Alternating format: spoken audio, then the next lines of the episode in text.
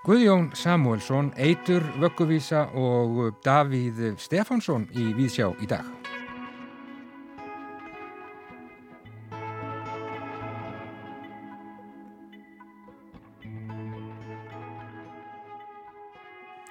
Komandi sunnudag, 10. november, verður þess minnst í menningarhúsinu Hofi á Akureyri að í ár eru 100 ár liðin síðan að ungur maður gaf út sína fyrstu ljóðabók þar fyrir norðan. Þessi ungi maður var Davíð Stefánsson frá Faraskógi sem gaf út ljóðabókina Svartar fjadrir.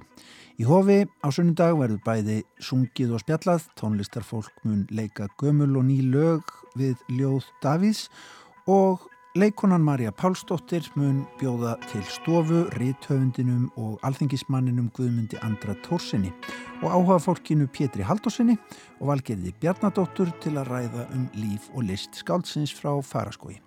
Við heyrum af þessu gestabóði fyrir norðan í Víðsjá dagsins.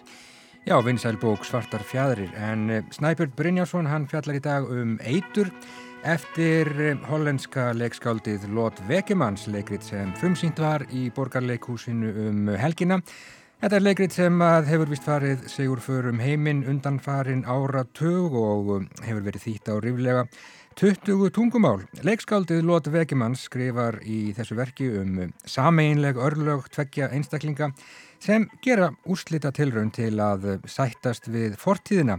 Leikstjóri er Kristín Jóhannesdóttir, leikarar Nína Dögg Filipusdóttir og Hilmir Snær Guðnason. Bókvíkunar ráseitt að þessu sinni er skaldsagan Vöggurvísa eftir Elias Marr sem að kom út árið 1950 og var þriðja skaldsaga höfundar, stórmerkileg Reykjavíkusaga það. Ásta Kristín Benditsdóttir, íslensku fræðingur, ætlar að segja hlustendum frá bókinni í þættinum í dag en Ásta varði nýrverið dóttorsvitgerðum verk Eliasar eins og við heyrðum nú á dögunum. Já, Ásta var gestur okkar hér um daginn en við ætlum líka að ræða við Pétur Ármannsson, arkitekt og fræðimann um Guðjón Samuelsson, húsameistara ríkisins en síningum Guðjón og verk hans var opnuð um liðna helgi í Hafnarborg í Hafnarfyrði. En við byrjum fyrir norðan á svörtum fjöðurum Davíð Stefánssonar. Eins og áður segir verður þess minnst í menningarhúsinu Hofi á Akureyri eða 100 ár eru liðin á þessu ári frá útkomu þessarar vinsælu bókar. Tíðindamæður okkar fyrir norðan er Gíja Holmgjörnsdóttir. Hjá mér er Valgerður Bjarnadóttir, áhuga kona um Davíð. Valgerður þessi ljóðabók, Svartar fjadrir. Þegar hún kemur út, þarna rétt fyrir jólinn 1919, hún verður strax alveg gríðarlega vinsæl. Já, hún verður alveg gríðarlega vinsæl og, og það hefur nú margir skrifað um það og, og haft um það hérna, stórkoslega lýsingar þegar að hérna, þessar, þessi hrappn og sínum svörtu fjöðrum, flaugum, dali og sveitir og, og strandir þessa land svo náðir hreinlega til allra þetta ekki síst til ungs fólks. Um, við skulum muna það að þarna er uh, Ísland ný orðið fullvaldaríki. Uh, heimstyrjöldin fyrri hún er ný liðin og Davíð hafði að hluta til á samt mjög mörgum öðrum ungum Íslandingum verið í kaupmannahöfn á strísárunum þannig að þeir, það, þetta fólk hafði fengið einhvern veginn þetta svolítið beint í æð þessi, þessa, sko, þessi áhrif styrjaldarinnar. Katla gís þarna 1918 spænska veikinn kemur 1918 og, og, og fólk hrinur niður. Meðal þeirra sem að, að tók, tók sóttina var Davíð. Hann fekk spænsku veikina. Hann hafði verið uh, veikur mikið, veikur í fimm ár sem ungur maður, unglingur og dætt alveg út úr skóla og eiginlega út úr öllu lífi. Uh, og kemur þarna inn aftur uh, haustið 1915 og hann hefur sagt síðar að, að veikindin sem að voru bæði líkamleg, þar sé að hann fekk brjóstimnubólgu og alls konar eitthvað hafi verið hans mestagæfa en, en veikindinas voru sem sagt bæði þetta, hann bara líka minn hann skaf sig. En þarna fer hann líka á þessum árum að finna fyrir geðsveiplum, mjög sterkum geðsveiplum. Því sem við myndum í dag að kalla sko, hérna, uh, þunglindi og, þunglindi og manýur sko. mm -hmm. þessi geðkvarfa síki.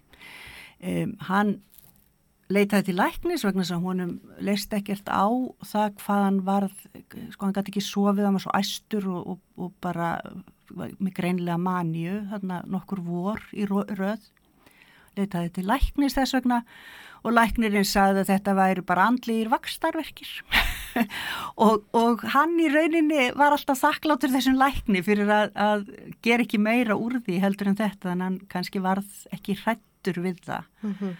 Og bara lefði því að vera sér innblástur. Já.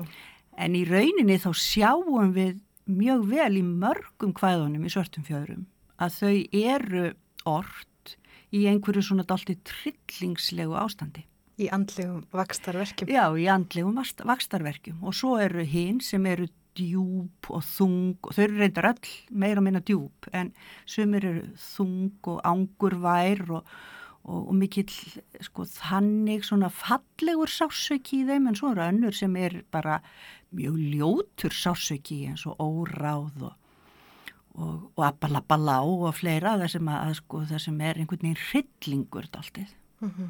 og svo reyðiljóð eins og hrafnamóðurinn þar sem hann er reyður yfir vonsku heimsins og er gaggríninn reyður ungur maður og svo þessi sko þar sem hann er bara í beinum tengslum við sem í sálfræðinni myndi vera að kalla skuggin af sjálfum sér sko. Hann er einhvern veginn í beinum tengslum við þetta, þetta sem við reynum að bæla í okkur. En hann leifir því bara blús upp á yfirborðið sko.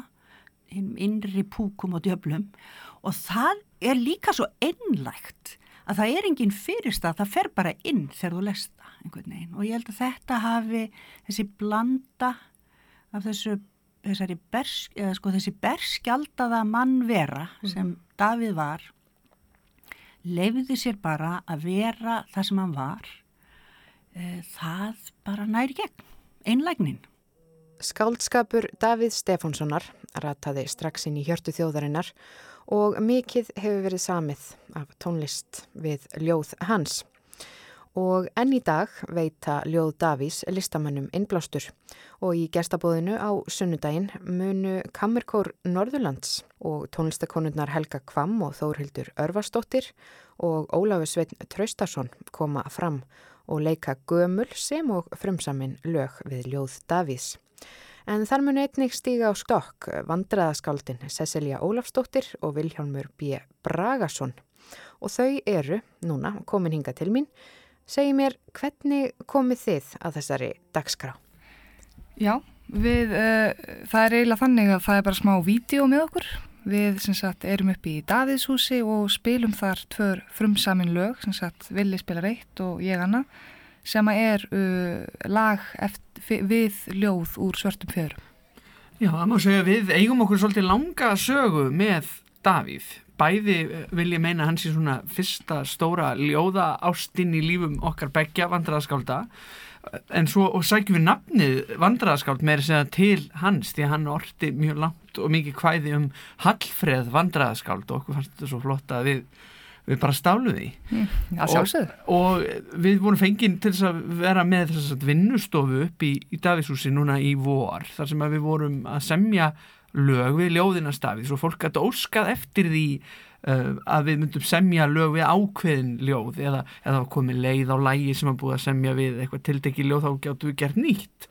Og ég held að við hefum samið fimm eða sex lög hvort þennan dag. Já, og fluttum þau hérna um um, eftirmiðdægin og það ekki? Jú, vorum við tónleikar senni í partin þannig að þetta var mjög mennaðfullt og, og það var alveg nöðsilegt að við fengjum að vera með í þessari dagskrá nýri hofi til þess að heiður hann Davíð okkar. Þannig að, þannig að það, það er nú svona helsta ástæðan fyrir að við verðum með hann á sundagin Og já, hvað tókuð þið langan tíma í að semja hvert lag? Þetta hefur nú ekki, þið hafa ekki fengið mikinn tíma í að hugsa þetta Nei, við vorum hann í, hvað var þetta, þrjir tímar? Þrjir tímar, já. já og við, það, það var hálf, mismunandi náttúrulega já, já hálf tíma hvert lag cirka, já, svona pluss mínus það var alveg allur gangur. Það, það var eitt lag sem ég samti svona stutt. Það tók bara kannski tíu mínutur eða eitthvað, það var mjög hraðsamið, svo var annað sem var lengra og það var eitt sem ég alveg hjakkaðist í öruglega í svona einn og halvan klukkutíma. Sem ég, ég bara var ekki ánæð og ég var bara svona að reyna að púsa einhverja brúnir að því. Og svo tókst það hérna löngu, löngu síðar. Ég var aftur með lendi miklu fleiri ljóðum sem eru til lög við og er, og það getur verið svolítil áskorun að losa sig við sko gömlu laglínun og melodíuna sem að þekkir kannski mjög vel að, að mm. taka hana einhvern veginn út úr hausnum þannig að maður geti bara einbeitt sér að textanum og finna eitthvað sem passar við hann á eh, eigin forsundum. Já, Einmitt. ég man til dæmis að það var stungið upp á því hérna uh, konan sem kindur opnin minn og ég bara, ég sagði strax bara ekki ég held að ég get ekki sami nýtt lag við þetta vegna þess að, að það lag er mér svo ofsalega kært, þetta var eitt af fyrstu ljóðunum og lögunum sem að ég lærði að syngja bara sem barn og ég bara, ég gati einhvern veginn ekki sett hausin að mér í eitthvað annað með það lag. Nei.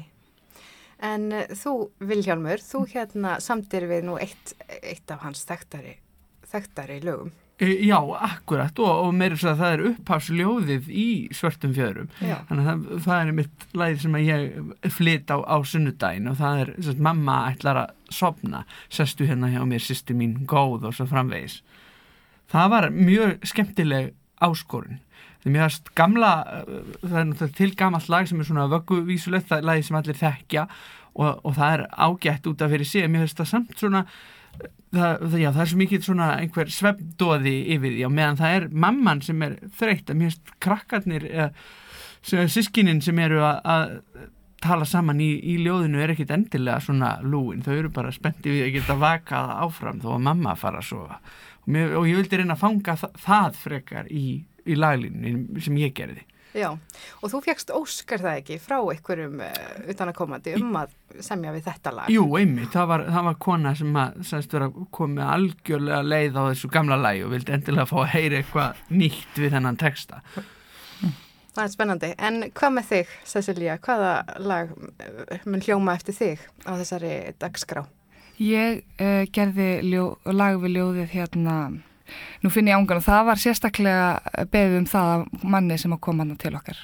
Og það var einn af þeim að því að það var sem sagt spínu svona gegnumtrekkur af fólki á með við vorum í þessu, þessari smiðju. Og hann var einn af þeim svona sem að komu dalti snemma, hann er að það var flott að við gáttum, þetta var eitt af lögunum sem að ég vann í yfir daginn. Mm -hmm. og þetta er rosa fallett ljóð og, og það er einhver svona, er svona nostalgíja og, og svona kærleikur í þessu. Fjallar náttúrulega bara um það er hægt að tólka bara mismunandi við, gæti verið missir, gæti verið endurfundir en það er eitthvað svona langur tími sem hefur liðið og það er svo, og maður svona reynir að fanga þessa, þessa, þessa dreymandi ást einhvern veginn. Nú finn ég ángan laungu bleikra blóma. Borgina hrundu séði heiminn ljóma. Og heyri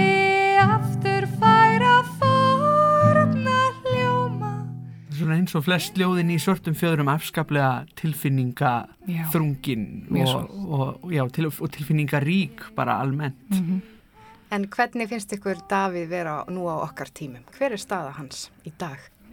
Mér finnst hann bara alltaf ómissandi. Mér þykir ofsalega vant um Davíð og, og bara öllum öðrum ólöstuðum þá á hann svona sína sérstöðu bara fyrir það að vera einlægur og hann er náttúrulega búin að fá mikil leiðindi fyrir það að, að vera dramatískur eða væmin en þetta er bara það sem að sumi myndu kalla einlægni og mér finnst bara óslega fallegt. Mér finnst merkilega svona, ég held að hans staða er mjög sterk, sérstaklega hérna fyrir norðan, maður tekur eftir því að hann er ekki eh, kannski eins mikið í hávegum hafður uh, í, á höfuborgarsvæðinu til dæmis nema bara hjá kannski svona eldri kynslu hann er ekki svona tísku skáld og, og eins og bara, ég veit ekki, Steinar hefur kannski verið hjá mentaskólanemum á höfuborgarsvæðinu meira heldur en Davíð. En ég held þess að hann er náttúrulega marg búin að sanna það að hann er sennilega söngvænasta skáld sem hefur verið uppi á Íslandi hinga til. Svona, og í rauninni popskáld síns tíma því að maður tekur eftir því að fólk kann en þann dag í dag tekstan hans eins og það syngur bubba eða áskirtrösta eða, eða einhver svona mm. lög sem að ná algjörlega hilli þjóðarinnar. Já, mm. -hmm. akkurat. Eh, Þið verði nú ekki sjálf á staðunum þarna á sunnundaginn útskýrið aðeins nánar eh, hvernig þetta verður hjá ykkur. Við erum í rauninni opnunar atriði hátíðarinnar en við getum ekki verið á, á svæðinu sjálfa því að við erum að að sína eh, söngleik sem að við sömdum galdragáttina á þjóðsvöna sem glemdist þar sé að vandraraskáld sömdu tónlistina í söngleikin og leikópurinn umskiptingar sömdu verki sem er verið að sína inn í samkómuhúsi hérna á Akureyri um þessar myndir þannig að þetta skarast. En það var að þetta bjarga því sko og í raunni var það bara heilla spórmyndi ég segja því að með þessum hætti var þetta fletta Davíðs húsi inn í dagskrána. Þannig að við erum í rauninni opnunar atrið hátíðarinn og það er tekið upp upp í Davíðs húsi Þannig að Davís hús fær að vera með í þessari dagskrá til heiðurs eiganda síns sem er voðalega viðeigandi. Mm -hmm. En það, ég ætla að segja þetta gott og, og ég ætla bara að enda þetta á að fá að heyra lægi sem að þú samtir hérna á flíilinnars Davís. Kæra þakki fyrir komuna Viljálmur og Cecilia. Takk fyrir okkur. Takk fyrir okkur.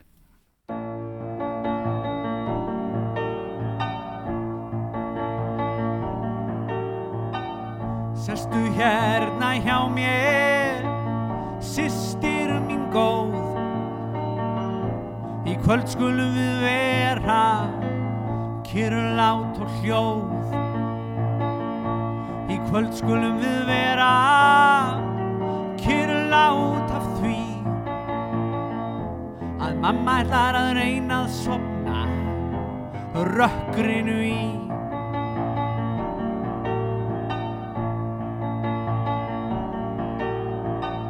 Mamma ætlar að sopna Mamma er svo þreytt.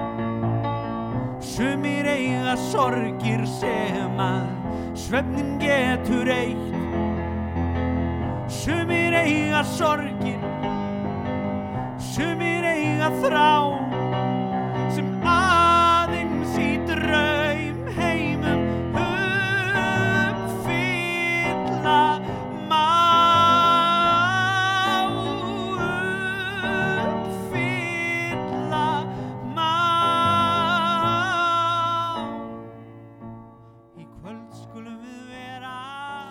Já, þetta voru tíðindi að Norðan, Gíja Holmgeirsdóttir, hún spjallaði þarna við nokkur af þeim sem að munu koma fram í gestabóðinu í Hofi á sunnudaginn þar sem menn ætla að minnast þess að á þessu ári eru 100 árliðin frá því að svartar fjadrir eftir Davíð Stefánsson kom út.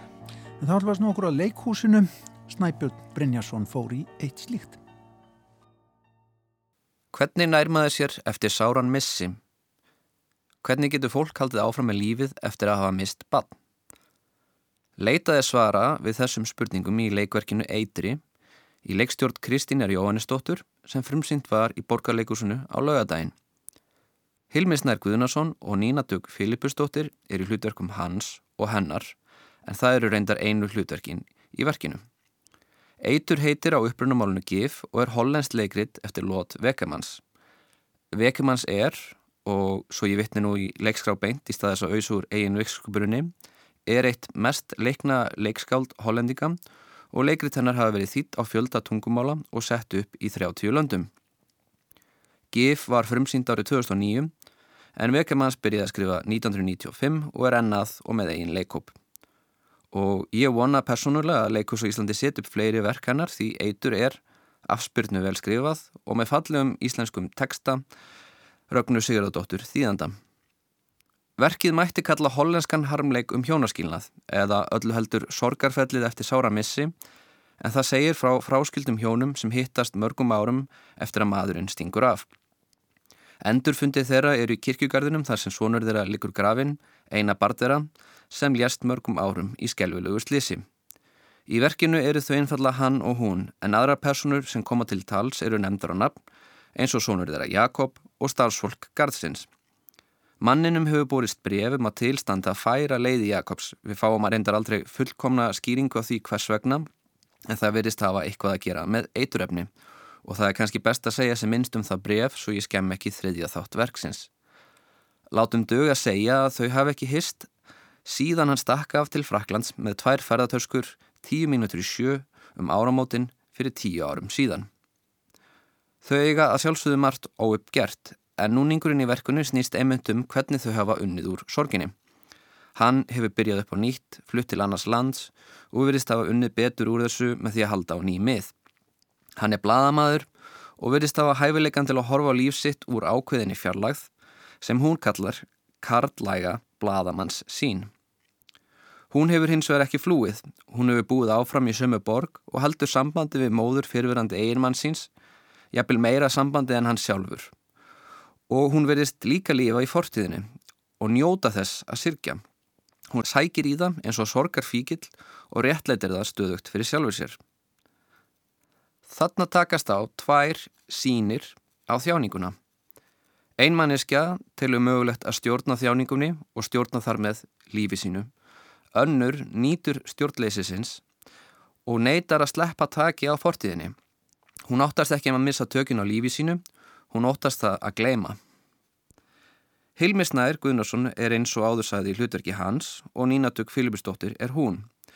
Nína er framúrskarandi í hlutverki hennar. Það verðist eiga vel við hann að leika konur sem velta sér upp úr sjálfsvorkun og eind því hún átti nefnilega mjög góðan leikum árið í tímaþjófunum í hlutverki konu sem nær sér ekki eftir að vera hafnað af elskóða sínum.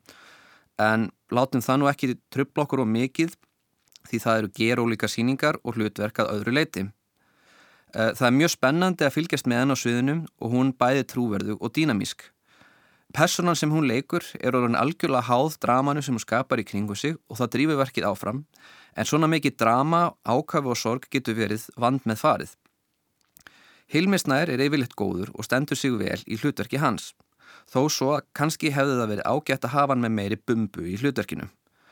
Hilmir er góður en ég ætla að leiða mér að vera smásmögulegur og láta það fara í töðuna mér að eftir fyrsta þátt þegar hann fer af sviðinu út í hellidempum og kemur aftur inn, þá kemur hann inn að hans að vera sjáanlega blöytur. En þar er kannski frekar við leikstur að sakast heldur en leikaran þegar kemur á soliðis ákvörðunum. Kristín Jónesdóttir leikstýrði verkinu. Börgur Jónsson annaðist leikmynd og búningar voru í höndum Þórunar Marju Jónsdóttir, og hljóð í höndum Gardars Borgþórssonar og leikjarfi í höndum Elínar Sigriðar Gísladóttur og það skemmtilega við síningar á litlasviðinu fyrir gaggrinenda eru þetta maður getur nefnt hér um byrj alla sem komu að henni. Tónlistin passar ágætla við verkið og Flensborgakórin syngur vel í völdum köplum Leikmynd Barkar er raunsæðisleg og þetta lítur út eins og dæmigerð mótinis kapella í nútíma kirkugarði. Parkettið, steinklæningin og japanski garðurinn í glukkanum þar með talin. Er kaffivél og vasklöss, nokkru stólar sem hægt er að draga fram og tilbaka sem gefur leikurum eitthvað til að vinna með í rýminu. Annars er kannski ekki mikið um leikmyndin að segja, þó eflaust megi lesa eitthvað í tákn eins og læsta hurðina, einmannlegt tríð og svo kalda lýsinguna á ganginum frammi. Manni sínist Kristinn hafa tekið þá ákvörðun að láta kvorki leikmynd búningan í tónlist trubla aðalatriðið sem er leikurinn og leikritir sjálft. Og hún nær fram góðri framhustuðu úr báðum leikurum. Ég gæti tuðaði við því og hér kemur aftur að þínu vandmeðfarnar drama að hversu lengi á einum punkti leikaratnir er að öskra á korannan. Fyrir minnsmekk þá duga tvö öskur fyrir síningunu og allt annað er öskri of mikið. En sem betur fyrir þá er svo sena undantekningin en ekki reglan. En já, það augnablík sem öskrin verða fleiri en þrjú er sápuntur í verkinu sem er fannst færa síninguna úr flokkinum hnökralaus yfir í síningu með einn hnökra. Ég fór þó sáttur úr leikusunum. Þetta er pottið leikrit í vandra uppfæslu með góðum leikurum og því endur teki bara áskorun mína til leikús stjórnenda að ég væri vel til í að sjá annað leikrit eftir lót Vekamanns. Já, Snæbjörn Brynjarsson bara býstna sáttur við leiksýninguna Eitur sem að frumsýnd var í borgarleikúsinu núna um helginaverk eftir hollenskt leikskáld Lót Vekimanns leikrit sem að hefur notið mikill að vinselda og, og farið við það. Já, en við ætlum að snú okkur að bókvíkunar að þessu sinni. Það er skaldsagan Vögguvísa eftir Elias Marr. Bókin kom fyrst út árið 1950. Hún breyður upp mynd af lífi ungmenna í Reykjavík á eftirstýðis árunum. Sagan segir af þremur örlaðaríkum sólarhingum í lífi unglingsins Björns Svinssonar sem að betur þektur er af félagum sínum sem Bambino.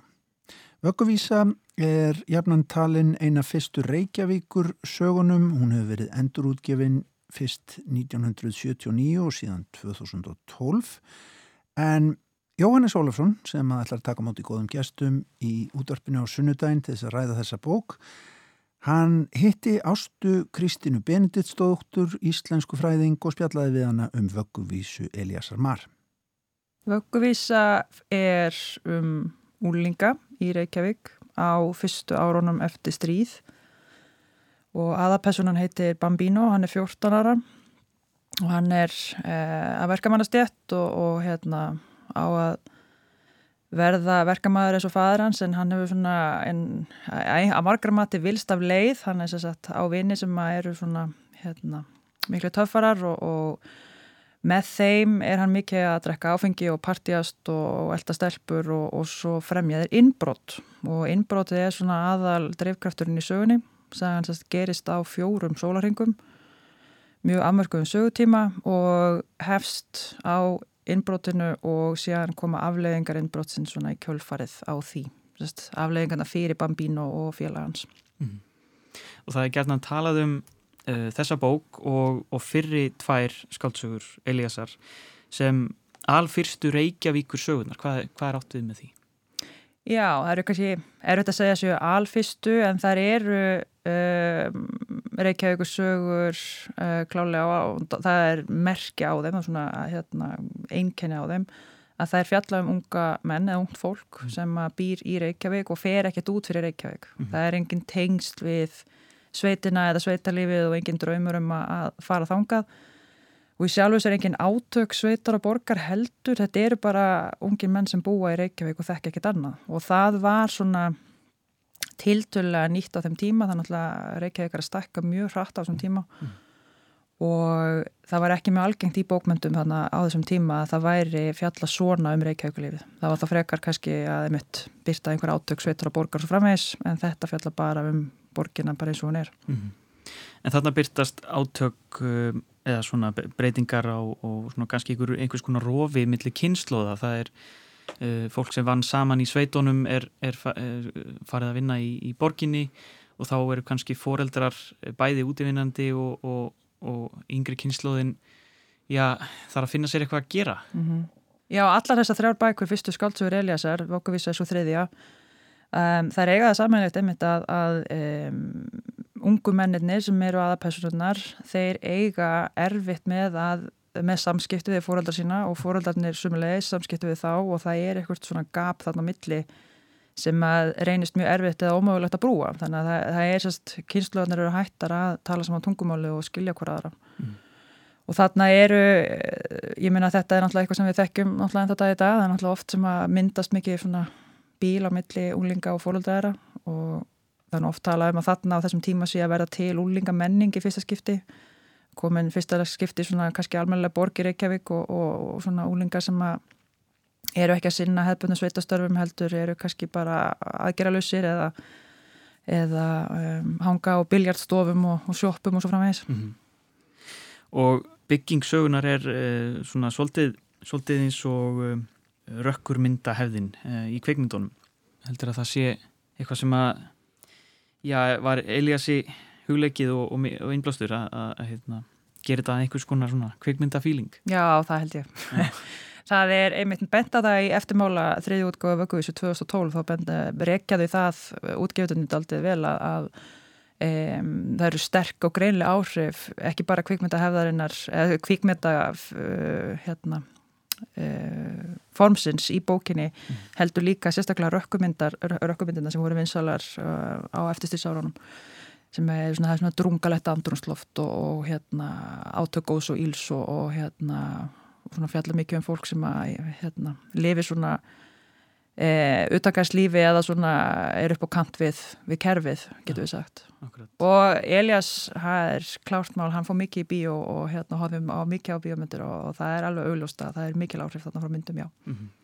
En það streyma myndirnar inn þarna með bandarækjumannum og, og, og hérna, hersetan hefur þessi rosalega menningulegu áhrif að uh, allt þetta efni er aðgengilegt ungu, ungu kynsluðinni. Já, og það eru einmitt mikil bandarísk áhrif í þessari bók, það er mikil bandarískum Eh, unga fólkið í vögguvísu er mjög mikið undir áhrifum bandarískra menningar áhrifa mm. og þau hafa náttúrulega alveg upp með hermenn í bænum og, og hérna, alveg upp við að horfa á bíómyndir og drekka kók og allt þetta og mm. hérna, það er mjög ábyrgandi í þessari bók um, Elias Marr var já, lengi vel svona svolítið á jæðri bókmynda umræðunar hér á landi.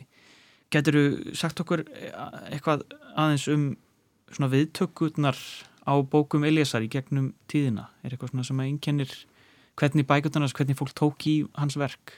Hann, eh, fyrsta sagan kom út 1946 þegar hann var bara 22 ára gammal og henni var frekka vel tekið þó að væri líka að tala um hún var í meingöllu en svona fyrsta verk höfundar, jú, nokkuð gott en síðan fekk önnurs skaldsagan manni þá lungum, hún fekk mjög litlar eða svona dræmar viðtökur getur við sagt en síðan kemur vögguvísa og slær bara gegn held ég með að segja, hún, hún vakti mjög mikla aðtökli hérna hún kom út.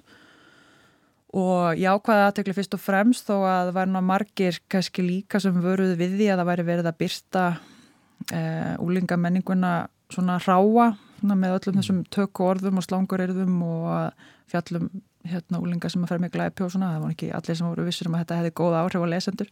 Og kannski verið að hampin eða einhver liti. Já, um, en enga síður var henni líka hampað einmitt fyrir það að vera ádela á um, bandarísku menningar áhrifin sem að gerðu Íslandingu íslensk úlingana svona. Hún var veldig lesin þannig sko, sem, sem ádela á, á þessi bandarísku erlendu menningar áhrif og þróunina í Reykjavík á þessum tíma. Mm. Eh, Vögguvísa samt er held ég og ástæðan fyrir að hún hefur verið endurútgefin tvísvar er að hún er ekki bara bundin þessum tíma, svo fjarrir því. Hún fjallar um bara úlinga líf uh, getur við sagt held ég bara allra tíma. Ég held að við þekkjum okkur öll daldi í bambínu sko. Skáldsagan Vögguvísa Brot úr ævintýri. Viðlag. Sí baba, sí baba, sí vafa End sé lava, kúkala gumba Si baba, si baba, si vafa, my bambino, go to sleep. Fyrsti kabli, fymtu dagur. Ámaður annars nokkuð að vera að þessu, sagði sá þriði. Sá sem gekk aftarinn hinn í tveir, sá yngsti, varðla meira en fermdur.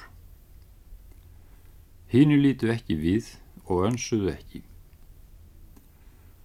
Batti ég fer ekki lengra, hjælt hann áfram og stóð hún kyrr eins og hann hefði festa rætur í malbíkinu. Þá lítu hinnir við. Þeir kostuðu síkratónum frá sér, horðu andartak hór á annan, gengur síðan fast að pildi. Sá elsti og sterklegasti, hávaksinn karlmaðunar í tvítugu, andlit stökkur og stóreigur, með djúft skarð niður í ennið, Leit alvarlegum augum, mildum, ekki vitun sposkum, framann í dringin þar sem hann stóð. Sæði síðan lágt, mjög lágt, eins og maður tala við svonsinn. Bambinó, þú kemur víst, þú kemur með okkur. Og það er allt í lagi, ég retta þessu geimi. Já, Bambinó, hvern anskotan heldur um að þú farað hætta við það, sagði hinn. Bambinó svaraði ekki og hjælt áfram að standa kyrr. En ef allt kemst upp og ef ekkert er að hafa hvað þá spurði drengurinn. Fyrirliðin lagði höndin á axlans mjög laust, kleip ofurlítið í axlastoppið og sagði Bambinó, þú ferð ekki að svíkja okkur hérðan af.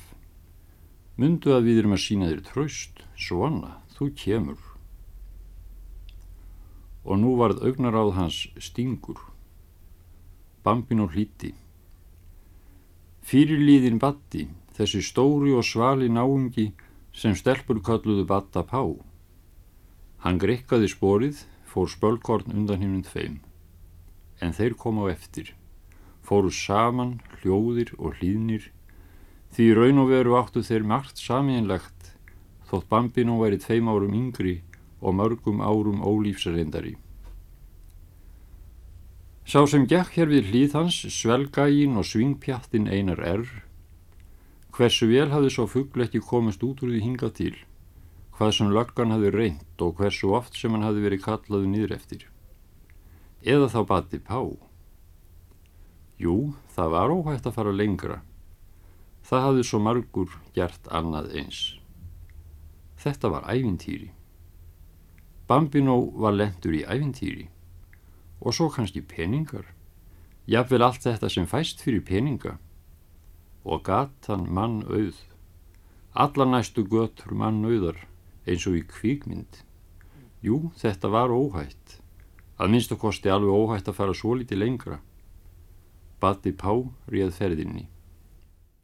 Þannig las Elias Marr úr Vögguvísu. En Jóhannes Ólafsson ætlar að ræða þá ágætu bók við gesti sína á sunnudags morgun.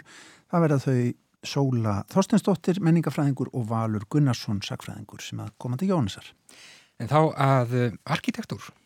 Erikur, hver er áræðamesti, já, listamæði 20. aldar? Á, Ísla, á Íslandi? Ég veit það ekki. Kjárval. Hann má halda því fram Mm. að hann heiti Guðjón Samúlsson Já. Og núna er uppi síningaverkum hans í Hafnaborg í Hafnafyrði. Annar tveggja síningastjóra er Pétur Ármansson sem þekkir verk Guðjóns út og inn. Er að undirbúa bók um hann sem að kemur út á næsta ári og er hafsjórafróðleik þegar kemur að Guðjóni og verkum hans. Ég fór í Hafnafjörðin til þess að ræða við Pétur og við stóðum fyrir framann útlínutekningu af byggingum Guðjóns. Stórmerkilegt átt sig á því að öll þessi form er eftir samamannin. Já, og verk hans víða. Heyrum hvað Pétur hafði að segja. Já, það þekki allir þessar byggingar. Það eru bara tákn fyrir stopnarnir og staði og, og, en það er kannski færri sem gera sér grein fyrir því að það að sami maður en hafi skapað öll þessi form. Það eru tákn í minni þjóðarinnar. Hann er henni skapar formheim sem er bara hluti af, af íslenskri menningu, þannig að lagað. Ja. Symbol fyrir, tákn fyrir, ég menna það er allir háskólakennarar með allar glærutna sínar með mynd af framhlið háskólas. Akureyra kirkja, ták fyrir Akureyri, Hallgrímskirkja er að verða bara ták fyrir Reykjavík Já. og þannig að það er öll þessi kunnulegu form, Þingvallabærin, stöðböllun undir Jón Sigursson. Það er bara svo magna að hugsa sér að sko það er einn maður sem skapar þetta Já, allt saman. og það verður að segjast að það er í raunin alveg ótrúlegt þegar maður horfir yfir hans feril hvað þessi maður afkastaði og hverju hann náði gegn þó hann hafi náttúrulega alls ekki náði gegn öllu því sem að, sem að hann setti fram. Hér er það Pétur Ármannsson, arkitekt og fræðimæður sem að talar. Við erum auðvitað að ræða um Guðjón Samúelsson, arkitekt, sem verður að teljast einn áhrifamesti listamæður Íslandsögunar. Við Pétur erum að ganga um síningu sem var opnuð í Hafnarborg í Hafnarferði um síðustu helgi, yfirleitt síningu með verkum Guðjóns. En nú er öll leiðin frá því að Guðjón lauk háskólaprófi í byggingalist árið 1919 og var í framhaldinu skipaður húsameistari ríkisins. Pétur Ármannsson er síningastjóri þessara síningar.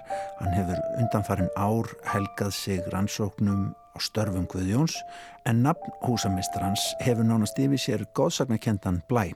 Hann var jú frumkvöðull á mörgum sviðum og átti veigamegin þátt í nútímavæðingu íslensks samfélags.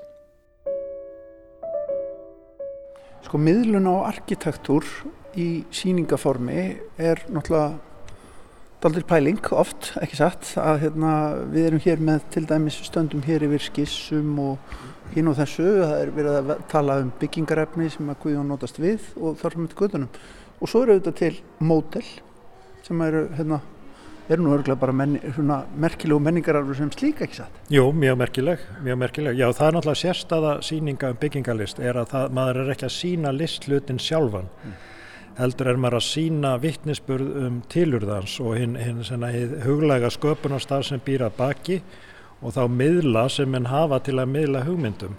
Og það eru þá teikningar og ljósmyndir og við erum svo heppin hér að hafa bæði líkun sem að voru gerð, Axel Helgason, fyrst íslenski mótelsmiðurinn Listasmíð. Hann smíðaði mótelið hér sem við sjáum á háskólanum og síðan Laugarneskirkju og Hallgrímskirkju. Hann smíðaði líka, líka hann að þjóðleikúsinu sem að því miður finnst ekki. Og svo höfum við hér eh, líka hann að Hallgrímskirkju Sörbæ tillögu sem var nú aldrei byggða fullu sem að öllum líkitur Ríkar og Jónsson Minskeri gerði áður en að Axel var komin til sögunar. En hérna á þessum vegg þá eru við að í raunin að draga fram svona helstu þætti, kunnustu verk Guðjóns og um, tekstarnir sem við völdum eru rauninni tilvitnanir í eigin orð Guðjóns. Við erum í rauninni að við erum ekki svo mikið að tólka verkin.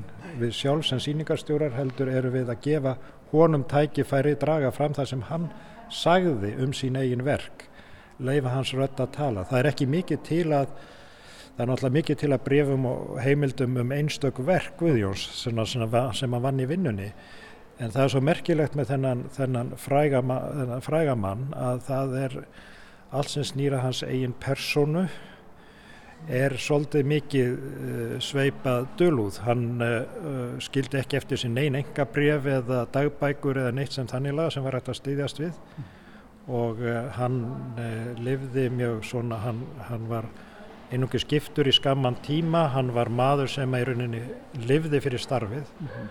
Hann hafði gríðarlegan metnað fyrir hönd Íslendinga og skinnjaði einhvern veginn sitt hlutverk sem fyrsti fagmaður á þessu sviði til þess að taka þátt svona í því að bara já, skapa svona endurreisa eða, eða reisa eh, sína fram og Ísland væri þjóðmeðal þjóða í menningarlegu skilningi við ættum byggingar og stopnanir mm -hmm. hann er hluti af tæknivæðingu Íslands samfélags innviðavæðingu ef svo má segja mm -hmm.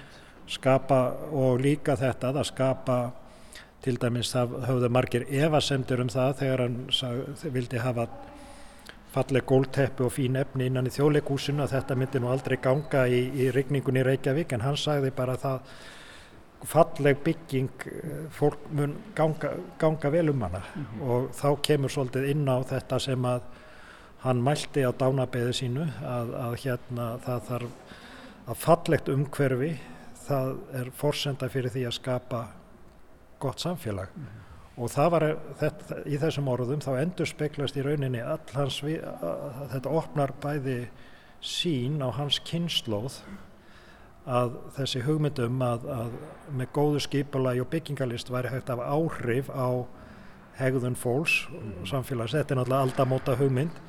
En þetta, hér á landi þá blandaðist þetta líka inn í, inn í sjálfstæðisbaráttuna og, og, og þennan anda sem að sveifi við vötnum sem að, sem að hérna sem að hann var fulltrúi fyrir.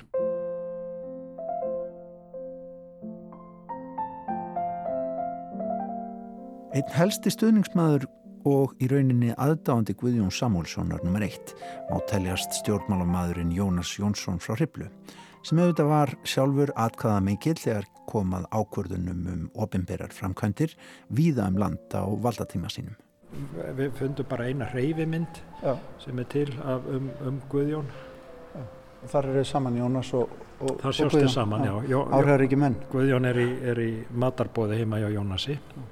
og svo erum við með fengum við úr safni hérna þjóðmínasafsins, það var varðveitt uh, upptaka af Rött Guðjóns frá 1948 það, er, það var ekki til neitt í safni útdagsins en Röttinans var tekin upp á band sem svona dæmi um rattir þjóðþektra Íslendinga á þeim tíma þetta var á einhverju lakkplötu og, og þurfti að yfirfærast til að við getum spilað þannig að menn geta heyrt hann lesa þarna texta um svona sem er svona yfirlitum íslenska húsagerðasögu, eitthvað sem hann hefur tekið saman.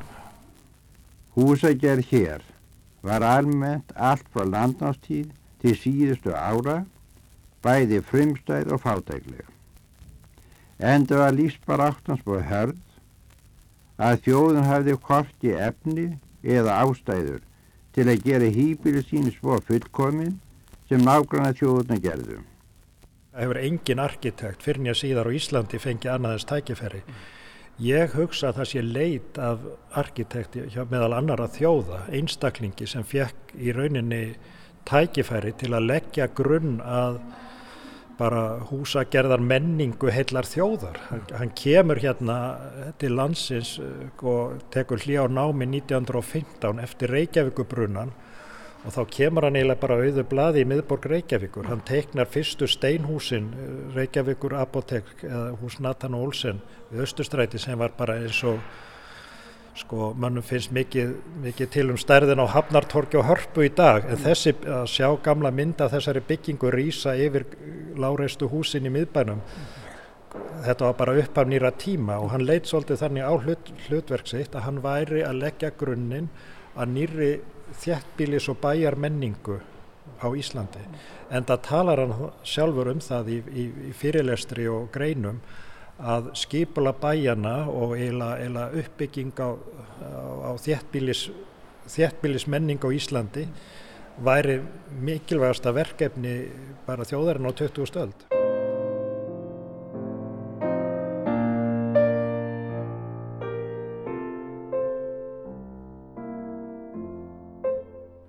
Sko það er erfitt öruglega fyrir mann eins og þig sem er búin að vera að velta fyrir lengi Guðjóni og hans starfi og ert já, búin að vera mörg ára að skrifa um hann bók sem er vantanlega og allt það að gera upp á milli barnana sinna. En þú þarft eiginlega að velja fyrir mig einhverja byggingu sem að þér er sérstaklega hjartfólkinu, hún mátt eiginlega ekki velja þjóðlíkus og ekki Hallgrímskirkju. Hvert viltu þá fara með okkur? E, ég er að horfa hérna Lauganeskirkju Lauganeskirkja er, er hérna hún er svona sko, hún er, hún er eldri hugmyndin af henni er eldri en Hallgrímskirkja Já Við sjáum hérna líka neða Hallgrímskirkji í Sörbæ sem var aldrei byggð. Hún er líka mjög fallega mínu mati en, en, en svona miklu, hefur miklu alvarlegri blæ. En eh, með Laugarneskirkju sko þá var uh, Guðjón uh, réð ekki bara, Guðjón hafði mjög mikil áhrif á staðarval kirkjunar. Hann í rauninni það stóð til að byggja á öðrum stað en Guðjón satt í skipilasnemnd uh, ríkisins og hann eiginlega kom beitti áhrifin sínum fyrir því að henni var valinn annar staður og hann hafði líka áhrif á það að eh, hverfið, laugarnes hverfið var svona skipulagt í kringum kirkjuna þannig að hún er því svona þunga miðja mm. í hverfinu mm. og það, þetta, þessi hugmyndum að tvinna saman e, skipulag og byggingar, staðsetja ofinbæra byggingar, fallega byggingar þannig að þær eruðu kennileiti í umhverfinu. Og í rauninni hefði ég kannski líka geta nefnt Akureyrakirkju vegna þess að hún er ekki síður snildarleg lausni í skipalagslegu tilliti, hún er, hún er sennilega ein af hans allra helst eftirstu kirkjum. Og hugmyndinu kirkjutröppurnar, hún þjónaði ákveðnum skipalagslegum tilgangi að tengja saman í rauninni efri byggðina ofan brekku og neðan brekku Og, og þar kemur líka til sögunar að Guðjón var bæði að teikna bygginguna, hann var líka skipulags höfundur Akureyrar. Þannig að þetta, þessi samþækting á verkinu sjálfu, arkitektoníska verkinu, húsinu sjálfu og borgarskipulegin í kring. Já, það, það, er, alveg... það er algjörlega sérstakt fyrir Guðjón og hann, hann hérna hann hérna var e, þetta margar algjörlega hans sérstöðu hann notaði, hann sáði alltaf þetta sem eina heild og hann sá, hann dreymdi um að sjá e, hérna að bæir og borgir eruðu helst eitt listaverk og við getum séð það, það má sjá það hérna á síningunni ef við skoðum til dæmis tilugur hans að skipulagi bæði í, á Bólungarvík og Ísafyrði. Um aldamótin hófst sér algjörlega ný og mjög merkileg byggingraðferð. Árið 1887 var byggt hér fyrsta steinsteipu húsið en almennt var farið að nota steinsteipu til húsa nokkuð eftir aldamótin. Þótt undarlegt sé munum við vera með allra fyrstu þjóðum sem notaði steinsteipu til húsagerða. Ásök þess að hefur sennilega verið svo að hér fast ekkert notast byggingarefni. Það ber nú öllum saman um að þetta verið hinn mestu heiðus maður en þetta er maður sem að bara hann sem að helga þessi starfinu hann, hann hérna og þegar maður sér afraksturinn og við erum alltaf bara með lítið brotaði hér inn á þessari, þessari síningu e, þá bara skilur maður ekki hvernig einn maður gætt komist yfir þessi verkefni og líka það að hann er á sko til dæmis hann er á sama tíma að teikna landsbítala þjóðleikhús sundhöll fyrir utan öll önnur verkefni, fyrir utan allt sem hann var að vinna á sig skiplasmála þarna í, að, svona, í aðdraganda alþingisháttíða 1930 mm. og eh, hann þurfti að fara til útlanda að kynna sér leikús, sundhallir, spítala því að það var engin, for, þetta voru miklu floknari byggingar en nokkuð tíman hafði verið byggðar áður á Íslandi. Mm og síðan var hann náttúrulega eftir að Jónas Jónsson frá Hriblu var, var dómsmálar á þeirra og, og hans mikli vel, velgjörða maður eða aðdáandi skulum við segja þá var, þá var náttúrulega Guðjón ákveðin skótspót fyrir af, af, af, af politískum anstæðingum Jónasar þannig að hann, hann fekk yfir sér mikla gaggríni, það var allt tortrikt og, og, og, og skrumskjalt sem hann lagði til þannig að hann fekk þarna gríða ofan þetta starfs mikla vinnuálag þá var hann fyrir miklu mótlæti mm. eftir alþingisáttina 1930 sem að hann bara ábyrði á því að skipuleggja þá uh, fer hann í langt veikindaleifi og hann verður nær aldrei fullri hilsu eftir það.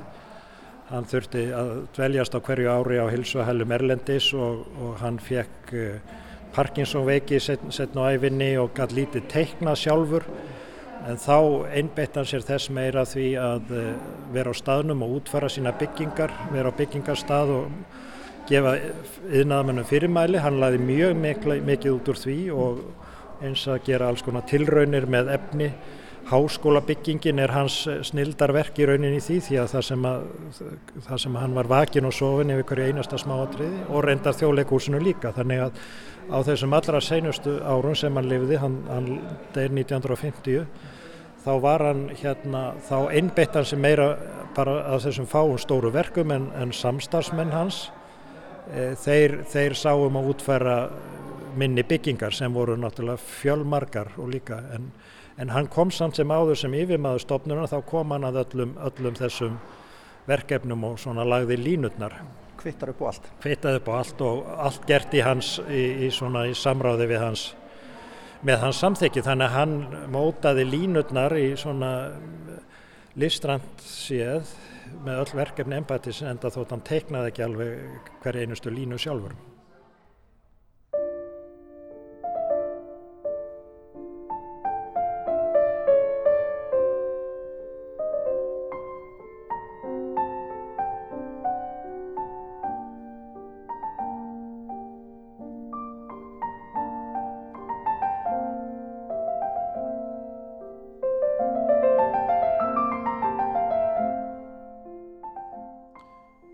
Það var Jósef Hæten sem að laði til pianosónutu tóna í þetta einslag um Guðjón Samúlsson. Maður gera benda fólki á að heimsæki síninguna í Harnaborg og átta sig á verkum þessa stórmerkilega arkitekts og listamanns.